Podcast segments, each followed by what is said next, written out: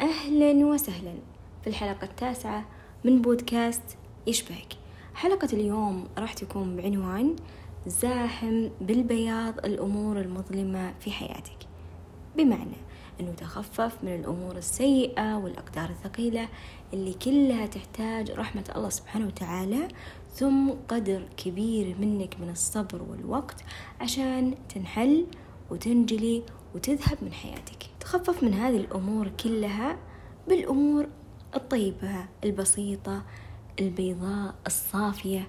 مثلا تعتمد الابتسامة الهادية المريحة بوجه كل إنسان سواء كنت تعرفه أو ما تعرفه. كذلك المساعدات اللطيفة الخفيفة اللي ما تأخذ لا من وقتك ولا جهدك أي شيء. تمسك بيد كبير بالسن يعبر الشارع أو يخطي عتبة. تسعد أطفالكم بهدايا لطيفة أو حتى مشتريات بسيطة من السوبر ماركت. تكتب كلام ومشاعر الإنسان محبط سواء كنت تعرفه أو ما تعرفه. تبادر بمنح أي أحد نصائح من شيء أنت قد جربته من قبل وهو تو مثلا في بدايته. تهدي أحد كتاب استفدت منه. مثلا تقسم شيء من مكافأتك أو راتبك لأخوك أو أختك اللي ما صار عندهم مصدر دخل. تدعي لكل إنسان تشوفه سواء تعرفه أو ما تعرفه باليسر والتوفيق والفرج والراحة والرضا وإن الله يهدي قلبه دائما ويكون إنسان قريب من ربه. العطاء ومساعدة الآخرين قمة الإحسان إلى الذات. رب بذور خيرك في كل مكان حتى تجي إليك يوم نقصك فتكملك. قرر إنك تسامح كل إنسان أخطأ بحياتك وكون صادق مع الله في هذه المسامحة. إنك عفوت وسامحت. وبهالمناسبة اسمعوا الحلقة السابقة. لأننا فيها تكلمنا عن مفهوم المسامحة والتسامح بشكل أوسع. لأنه والله العظيم هذا الفعل بحد ذاته له مردود أكثر من الأجر. إنك أنت تخلق مساحة جديدة بداخلك تفرغ تفكيرك وقلبك وداخلك من المشاعر الثقيلة والسلبية اللي كانت جواك من هذا الزعل أو من هذا التاتش اللي كان صاير.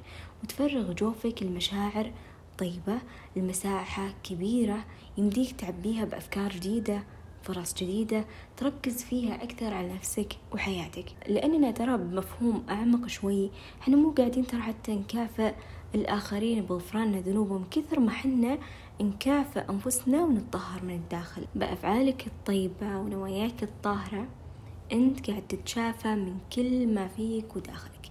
من تراكمات الماضي أو حتى الظروف الحالية.